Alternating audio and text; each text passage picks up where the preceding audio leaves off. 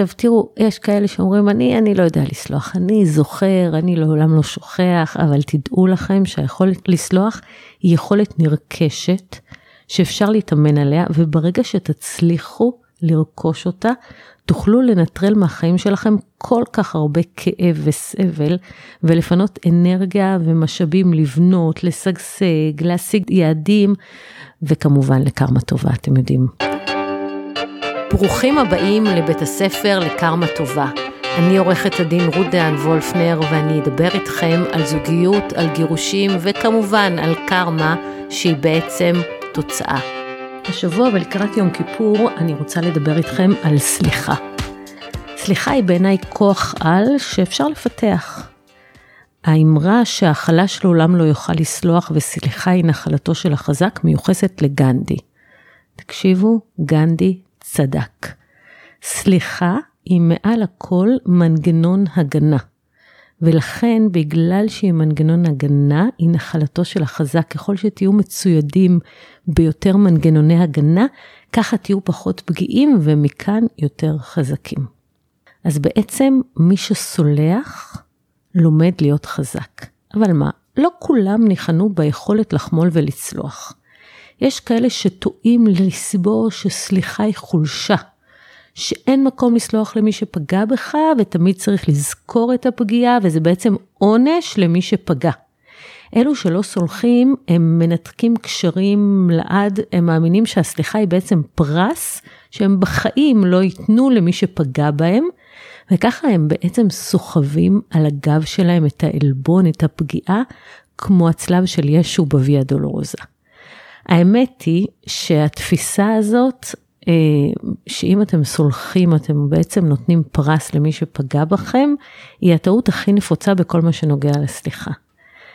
התפיסה שאני מבקשת להסביר כאן, היא שסליחה לא משחררת את מי שפגע בכם, אתם לא מעניקים לו מתנה בכך שסלחתם לו, למעשה מי שפגע בכם בכלל לא צריך לדעת שסלחתם לו. את מתנת הסליחה ואת היתרונות שלה אתם מעניקים בעיקר לעצמכם. הסליחה משחררת, היא מגנה עליכם ממטענים שליליים, מאנרגיות של כעס ושל שנאה, מלהיתקע בעבר ומרעלים שהם בעצם הופכים למשקעים אצלכם בנשמה. ואתם יודעים מה קורה למשקעים בלב, בסוף יש התקף לב, כך קורה גם לנשמה. אה, ויין דר, אחד הסופרים הידועים והמוכרים ביותר בארצות הברית וגם הוא גורו של העצמה אישית, הוא משווה בהרצאות שלו את הפגיעה להרס של נחש. הוא אומר, אף אחד לא מת מזה שנחש הקיש אותו. ההקשה בעצם פותחת חור אצלנו בגוף, ודרך החור הזה זורם ההרס שהוזרק לגוף ומפעפע בדם עד שהוא הורג אותנו. הפגיעה שפגעו בנו היא כמו הקשה, לא מתים ממנה, אבל השנאה, ונטירת הטנאה והכעס הגדול והפגיעה הם כמו הרס שמפעפע לנו בגוף והורג אותנו. וברגע שאתם מאמצים את מנגנון הסליחה, היא משמשת כמו פילטר לניקוי רעלים מהנשמה. עכשיו תראו, יש כאלה שאומרים, אני, אני לא יודע לסלוח, אני זוכר, אני לעולם לא שוכח, אבל תדעו לכם שהיכולת לסלוח היא יכולת נרכשת, שאפשר להתאמן עליה, וברגע שתצליחו לרכוש אותה, תוכלו לנטרל מהחיים שלכם כל כך הרבה כאב וסבל, ולפנות אנרגיה ומשאבים לבנות, לשגשג, להשיג יעדים, וכמובן לקרמה טובה, אתם יודעים. מי שחשב שהוא לא יכול לסלוח, או שיש לו רשימה שחורה של כאלה שבחיים, בחיים הוא לא מוכן לסלוח להם, טועה. הלב הוא שריר גמיש, הוא מתרחב, הוא יודע לשכוח ולסלוח ואפשר לתרגל סליחה אם רק נחליט שזה מה שאנחנו רוצים. אני רוצה לספר לכם קצת על הרקע שלי עם סליחה. ב-93 הייתי בת 24, התחתנתי עם ניב דיין, שהכרתי אותו כשעבדתי כבודקת ביטחונית ברשות שדות התעופה. הוא היה ראש משמרת מאבטחים, ואנחנו שם בין הדלפקים של נתב"ג אה, התאהבנו ועברנו לחיות ביחד והחלטנו להתחתן. ומהנישואים שלנו באמת נולדו לנו שני ילדים, אופיר נולדה ב-97 ואסף בסוף שנת 2000. 13 שנים אחר כך, בתחילת שנת 2006, התגרשנו. זה היה אמנם גירושים קלים, הם הסתיימו בהסכם שכלל אה, ויתורים הדדיים, אבל בכל זאת גירושים זה, זו חוויה קשה, היא קורעת מאדם חלק מהנשמה שלו, וזה לא היה קל. אנחנו פנינו איש איש לדרכו, אבל נשארנו הורים מאוחדים לאופיר ואסף. זה לא קרה מיד, אבל אה, שנה, שנתיים אחרי הגירושים, מצאנו בתוכנו את הכוח לסלוח אחד לשני, גם על הגירושים, גם על הסיבות שהובילו להחלטה להתגרש, וגם על זה שכנראה נכשלנו בזוגיות שהתחילה אה, בשנת 93 ונראתה לנו כאילו היא תימשך לעד. והיכולת הזאת שלנו לסלוח אחד לשני שחררה אותנו ואפשרה לנו לנהל מערכת גירושים לדוגמה ולמופת לא רק מההיבט ההורי, גם מההיבט האישי. ברגע שנטרלנו את המטענים בינינו, יכולנו לפרגן אחד לשני על הזוגיות החדשה שכל אחד מאיתנו מצא. להיות אוזן קשבת ובעצם להפוך לחברי נפש מבחינתי וגם מבחינתו אני חושבת היינו כמו אחים. כי היה בינינו קשר דם בזכות הילדים וברגע שניטרלנו את הכעסים ואת העלבונות, פשוט הכל נהיה נקי בינינו. וככה באמת ברבות השנים, כשהתחלתי לרוץ, ניב רץ עוד הרבה לפניי, ואני לא פרגנתי לו בעניין הזה. ואני זוכרת שרצתי פעם ראשונה חצי מרתון והתקשרתי לספר לו, אמרתי לו, סליחה על כל מה שעשיתי לך, איך לא פרגנתי לך כשאתה רצת. הוא אמר לי, שטויות, מי זוכר את זה, עברו כל כך הרבה מים בירדן. ובאמת אה, אה, הוא הפך ברבות הימים למאמן שלי, והוא הכין עבורי תוכנית אימונים למרתון פריז, ויכולנו לנהל מערכת אה, גירושים באמת מדוגמת.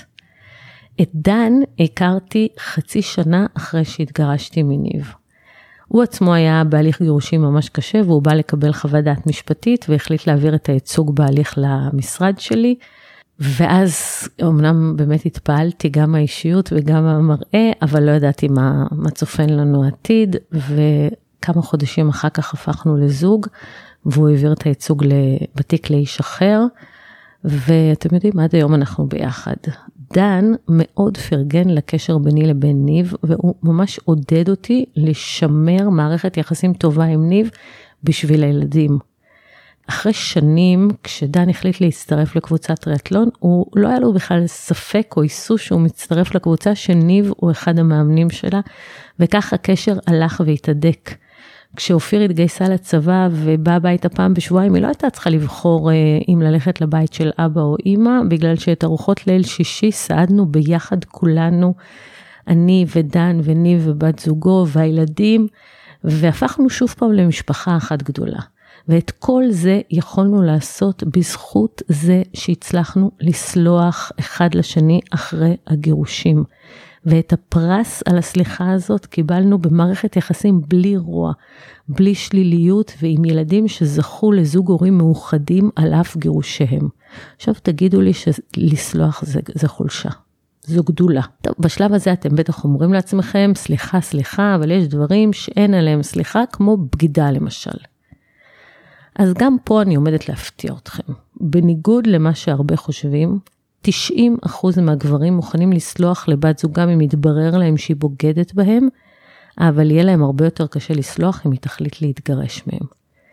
לעתים קרובות הנכונות הזאת לסלוח על בגידה נובעת מהפחד להתמודד עם הגירושים והעדפה להישאר אה, באזור הנוחות של הנישואים. ואני רוצה לספר לכם על רוני. רוני הגיע אליי לייעוץ כבר לפני חמש שנים. הוא תפס את אה, שרי אשתו בוגדת בו, הוא הזדרז להתעמת איתה, אבל הוא בכלל לא העלה על דעתו להתגרש. ושרי, היא לא, היא לא דמיינה שרוני עתיד לסלוח לה על הבגידה שלה, והיא רצה והגישה תביעה לבית משפט לענייני משפחה, ואז רוני הגיע אליי וביקש לקבל ייעוץ משפטי בעניין הסיכוי לתביעה ומה מצבו המשפטי. אבל האמת היא שגם רוני וגם שרי לא רצו להתגרש. וכששרי ביקשה שיסלח לה והם ינסו לתקן את הנישואים, הוא הסכים בשמחה. והם עשו מה שהם יכולים לחזור לחיים נורמטיביים ולהעמיד פנים כאילו הבגידה הזאת מעולם לא קרתה. הם גם עשו מה שהרבה מאוד זוגות אחרי משבר עושים, הזדרזו להביא לעולם את הבן השלישי שלהם בתקווה להיות one big happy family. טוב, לא חלפו שנתיים ורוני שוב תפס התכתבויות לא זהירות של שרי ושוב פרץ משבר ממש גדול. רוני שוב הגיע לייעוץ משפטי ושוב סלח לה. הפעם היא בכלל לא טרחה לרוץ להגיש תביעות, היו לו דרכים משל, משלה אה, לגרום לו לסלוח ולהתחיל שוב מההתחלה. חלפו עוד שלוש שנים. שרי הייתה ממש זהירה, אבל היא לא הפסיקה לרגע לבגוד, היא התמכרה לריגוש האסור. אז, אז הריגוש הזה של הבגידה הוא כזה שהתא המשפחתי המוכר כבר לא יכול אה, לספק. זה העלה לה את רמות הסרוטונין והדופמין במוח וגרם לה להתמכר לבגידות ולהפוך אותם להרגל שהיא לא יכולה להיפטר ממנו. הבעיה הייתה ששרי לא הייתה טכנולוגית גדולה והיא עשתה שימוש בדפדפן כרום שמחובר לגוגל של רוני. ככה רוני גילה שוב פעם שהיא בוגדת, מסתבר שהפעם היא ניהלה רומן לוהט עם העוזר הצעיר של המוסכניק שהיא פגשה אותו כשרוני היה בחו"ל והיא לקחה את הרכב לבד אה, למוסך לטיפול. הפעם רוני הבין ששרי מתכננת אה, את הצעדים שלה והיא נעזרה ברב גוגל. היה לה הרבה מאוד שאלות לרב גוגל, איך להוציא בעל מהבית לפני הגירושים למשל, איך מחלקים אופציות בגירושים, האם אישה שבגדה מפסידה רכוש בגירושין. כל החיפושים האלה נעשו מהדפדפן שלו וחשפו לרוני את התוכנית המסודרת מאוד של שרי. כלפי חוץ היא לא הראתה כלום, ומי שהסתכל על המשפחה הזאת מבחוץ לא יכול היה להעלות על דעתו מה הולך שם בין הקירות. רוני הגיע שוב לפגישת ייעוץ בפעם השלישית. הפעם הוא היה יותר החלטי, אני מבין מה היא מתכננת לעשות, אני חייב להקדים אותה בבית הדין הרבני. הוא אמר לי, מודע כבר למרוץ הסמכויות ולהשפעה שלו במקרה שלו עם, עם הבגידה וכל זה. הוא חתם על כל המסמכים, הוא הודיע לי שהוא מעביר את השכר טרחה למחרת בבוקר וחייבים לצאת לדרך ולהקדים אותה. שעתיים אחרי שסיימנו את הפגישה, הוא התקשר בקול רועד ואמר לי, התחרטתי. אני לא מסוגל לעשות את הצעד הראשון, והוא הודה שהוא התקשר לשרי, ואמר לה שהוא היה אצלי ושהוא עומד להתגרש, והיא שוב ביקשה סליחה, והוא שוב סלח לה. אצל רוני, הסליחה לחלוטין הייתה מנגנון הגנה. הפגיעה מהבגידה הייתה הרבה פחות גדולה מהפגיעה שהוא בעצמו חווה מרעיון הגירושים. אבל בחלק ניכר מהמקרים, דווקא מי שבוגד הוא מי שמבקש לפרק את הנישואים. למרות שמי שבגדו בו, הצד הנבגד מוכן לסלוח על הבגידה. אני רוצה לספר לכם בעניין הזה על מורן ועידו.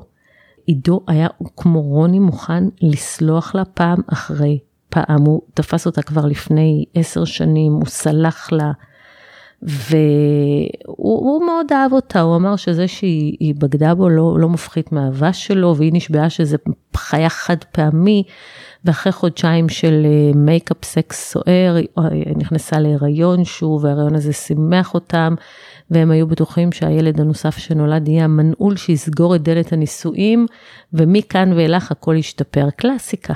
עבר עשור, ועידו הרגיש ככה איזה תחושת חוסר נוחות. הוא יודע טוב מאוד לבדוק מה מורן עושה, והוא בדק וגילה שההיסטוריה חוזרת במדויק ועם אותו אחד.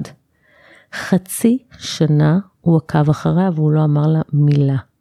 הוא קיווה שהרומן ביניהם מסתיים לבד והוא לא יצטרך להתעמת איתה, הוא ידע שהעימות הזה יביא לגירושים. הסבלנות הזאת שהוא גילה נבעה רק מפחד. עידו פחד שהפעם מורן תבחר ללכת.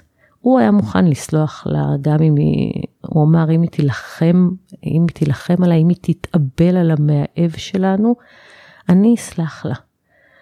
אבל הוא לא מצא את הכוח בתוכו להציב לה את הזכות לבחור. הוא לא רצה לשים אותה במקום שהוא אומר לה תבחרי או אני או הוא, ולכן הוא אפשר לה ליהנות משני העולמות ומהאשליה שהוא לא יודע כלום. ואתם יודעים, מה שלא יודעים לא כואב. וכשמורן טסה לפריז לנסיעת עבודה, עידו ידע שהיא לא טסה לבד.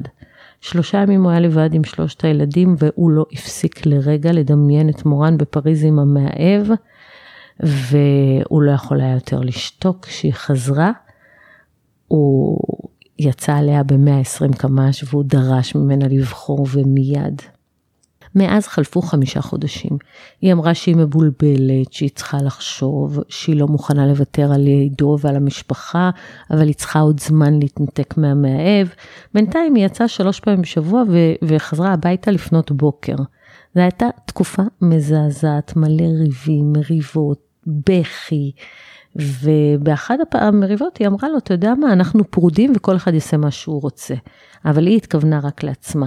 עידו לקח את המשפט הזה ואמר על עצמו, אתה יודע מה, תעשה מה שאתה רוצה. ובאמת הוא הכיר מישהי והתחיל לצאת עימה.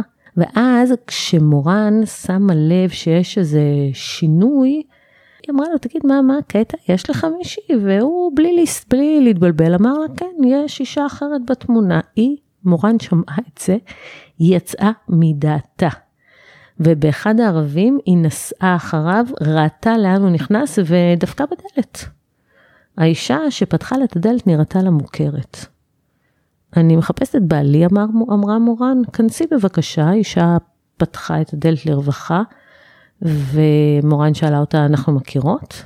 לצערי אנחנו מכירות היטב, אמרה אותה אישה. בינתיים עידו נעמד נבוך בין שתיהן, אה, ולא ידע מה לעשות עם עצמו. אני אזכיר לך, אמרה האישה הזרה.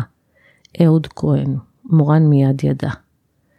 את היית ארוסתו, היא שאלה. היא אמרה לה כן. כשהיינו בנות 21, את ניהלת איתו רומן חודש לפני החתונה שלנו, גרמת לו לבטל את החתונה שלנו, ואחרי חצי שנה זרקת אותו. מורן הסמיקה, היא לא ענתה. היא הסתכלה על עידו ואמרה לו, תחזור איתי הביתה. הוא לא הסכים. זה נגמר, אמר לעידו, סיימתי להילחם עלייך, אני הבנתי שאת תמיד תרצי את מה שאסור, פעם בוגדת, תמיד בוגדת. מורן שתקה והלכה, וכבר כעבור יומיים אה, עידו קיבל בדואר בקשה ליישוב סכסוך, שהודתה לו שדבריו התקבלו ושהוא בעצם בחר עבורה. אז מה בעצם התפקיד של הסליחה? למה קל יותר לסלוח על בגידה מאשר על ההחלטה להתגרש? התשובה לשאלה הזאת תלויה במוטיבציה הפנימית של מי שנפגע. היכולת לסלוח היא דינמית. אם מי שנפגד לא רוצה לפרק את התא המשפחתי, הסליחה היא לגמרי מנגנון ההגנה שיכול לעזור לו להשיג את המטרה, שימור הנישואים. וכשהסליחה מקדמת את מי שנבגד לעבר המטרה שלו, שימור הנישואים, הוא יפתח יכולת ונכונות מאוד רבה לסלוח גם על בגיד, מקרי בגידה קשים ופוגעניים.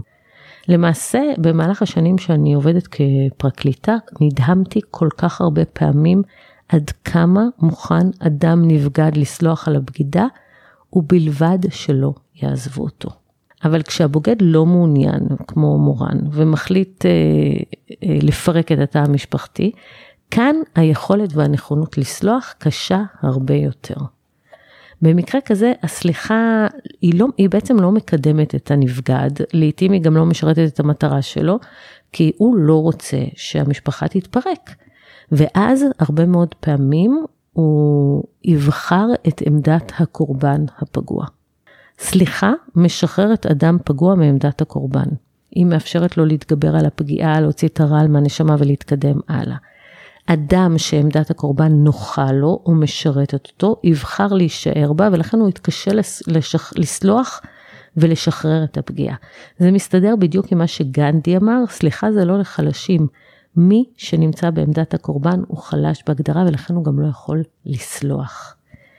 במקרים כשהצד הבוגד מבקש להתגרש והצד הנבגד אוחז בעמדת הקורבן, בתנאים מסוימים עשוי להיווצר קור אטומי סגור שמונע על ידי שילוב קטלני של כאב, תחושת קורבנות וצורך לנקום ומייצר אנרגיית הרס מסוכנות וכך נולדות מלחמות גירושים חסרות סיכוי וחסרות סיום. אז תזכרו, אם אתם לא רוצים להיות בעמדת הקורבן, הסליחה תשחרר אתכם מהעמדה הזאת. עכשיו נשאלת השאלה, האם ניתן לפתח את היכולת לסלוח? כשאנחנו מבינים כמה סליחה חשובה, כמה היא פילטר לניקוי רעלים מהנשמה שלנו, כמה היא מקדמת אותנו וכמה היא בעצם מגנה עלינו מהפגיעה, מעמדות הקורבן, כמה היא תורמת לנו לקרמה טובה. רק אז כשאנחנו מבינים את זה, אנחנו נכונים לפתח את היכולת לסלוח שהיא כמו שריר, ככל שמתאמנים עליה, היא מתפתחת וגדלה. אז קודם כל צריך להבין שאי אפשר לשנות את העבר. אופרה ווינפרי אומרת שהיכולת לסלוח היא אחד השיעורים שאנחנו צריכים ללמוד כחלק מההתפתחות האישית שלנו. אנחנו מצליחים לסלוח רק כשאנחנו מוכנים לוותר על התקווה לשנות את העבר. המשמעות של הסליחה היא השלמה עם מה שקרה בעבר, היא לא, זה לא, אין משמעותה לקבל את הפגיעה, אלא להשלים את העבר ולוותר על התקווה שאפשר לשנות את העבר. ככה אומרת אופרה ווינפרי, ותראו כמה זה חכם. ברגע שאתם אוחזים בפגיעה, אתם בעצם חושבים שאולי תצליחו לשנות את העבר. אבל כשאתם מבינים שאין סיכוי לשנות את העבר, אתם מוכנים לשחרר את העבר שלכם ולהתקדם הלאה, כאן מגיעה היכולת לסלוח.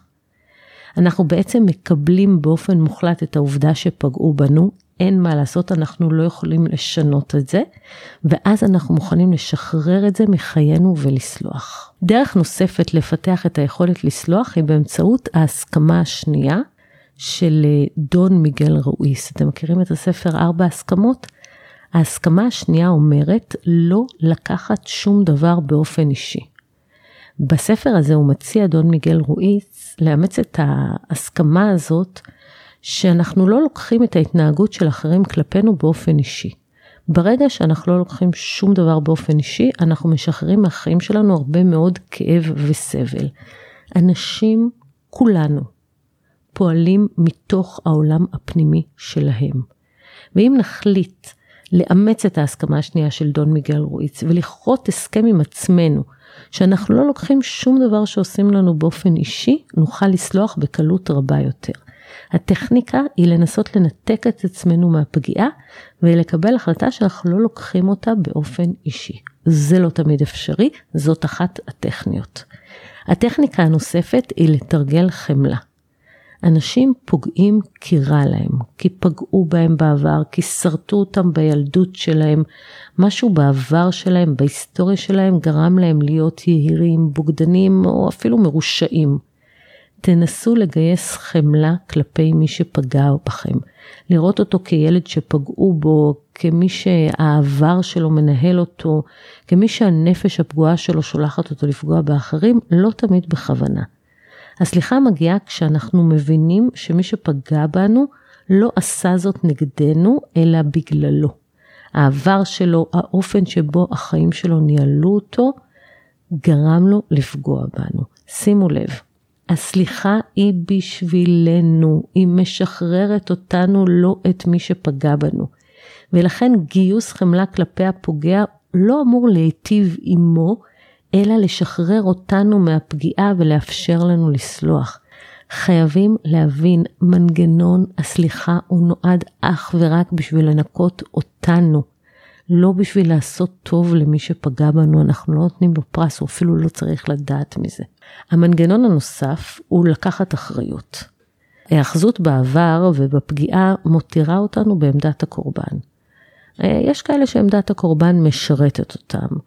ו, ויש כאלה שחושבים שהרגשות האלה של הנקם והכעס וההבטחה הזאת, אני בחיים לא אשכח, אני בחיים לא אצלח, מעידה על זה שהם אנשים חזקים. אבל האמת היא שהאמירות האלה מותירות אותם בעמדת הקורבן. החוזק האמיתי הוא ביכולת לשחרר את העבר ולסלוח. עכשיו היכולת לסלוח מגיעה יד ביד עם לקיחת אחריות. ברגע שניקח אחריות אמיתית על החלק שלנו באירוע הזה, היכולת לסלוח תגיע כמעט ללא מאמץ, כי לעצמנו הרבה יותר קל לנו לסלוח.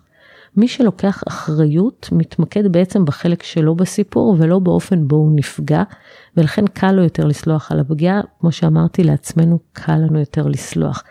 וגם ברגע שאנחנו לוקחים אחריות, אנחנו בהכרח יוצאים מעמדת הקורבן. אבל יש מי ששואל, איך אפשר לקחת אחריות אם מישהו פגע בי, בגד בי או רימה אותי?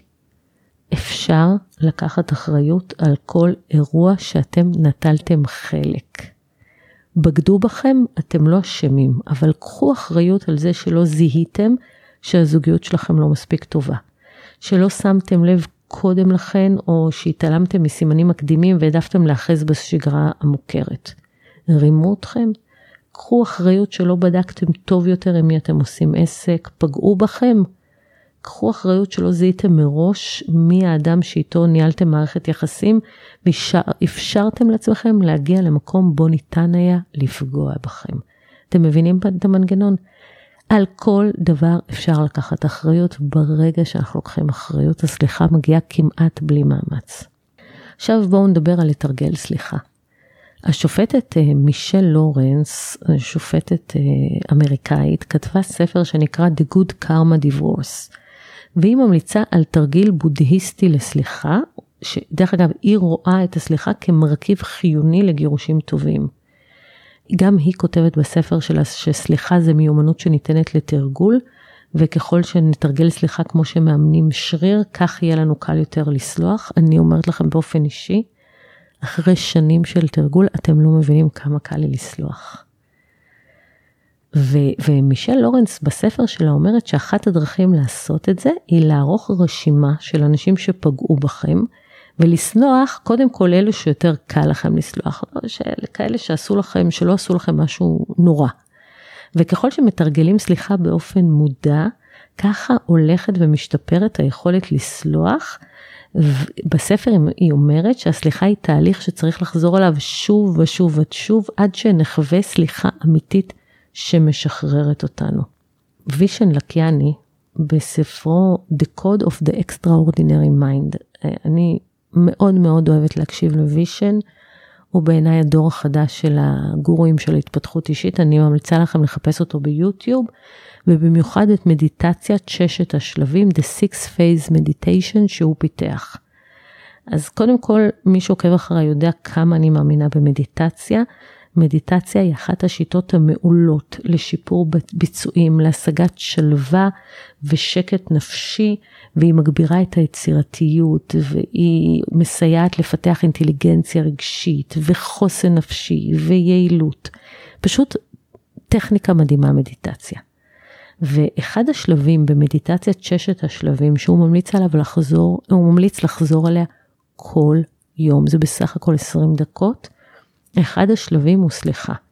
מאז שנחשפתי לשיטת המדיטציה הזאת והתחלתי לתרגל אותה, החיים שלי השתנו. ובזכות המדיטציה הזאת פיתחתי את היכולת לסלוח לדרגת כוח על, והגעתי למצב שאני מצליחה לשחרר טינה מליבי מיד בסמוך להיווצרוצה, ואני פשוט מנקה במהלך המדיטציה את המרחב הפנימי שלי מרגשות שליליים. אני ממש ממליצה לכם לנסות את זה, ו- ובשלב המדיד... הסליחה, לקחת את uh, האדם או הסיטואציה שפגעו בכם, שאתם כועסים, וממש לתרגל את הסליחה, אתם לא מבינים כמה שזה משחרר. והשלב האחרון והחזק ביותר לפיתוח היכולת לסלוח, הוא בהבנה שהפגיעה בנו היא שיעור שאנחנו צריכים לעבור בחיים, ובאימוץ התפיסה שהעובדה שפגעו בנו היא הזדמנות לגדול, ללמוד שיעור, להשתפר ולהיות גרסה יותר טובה של עצמנו. ואנחנו צריכים לעצור רגע ולבדוק מה באירוע הפוגע הזה בא ללמד אותנו. מה השיעור שלנו? איזה הזדמנות טמונה כאן עבורנו, או במילים אחרות, מה, מה, מה מעולה בזה? מה טוב בזה? השאלה הזאת מאלצת אותנו להתמקד בטוב והיא מאפשרת לנו לשחרר את העבר, להכיר תודה על ההזדמנות ובאופן טבעי לסלוח. זהו להיום, אני מאחלת לכם שתהיה לכם שנה מדהימה, שתלמדו לשחרר ולסלוח בעיקר בשביל עצמכם. תודה שהזמנתם.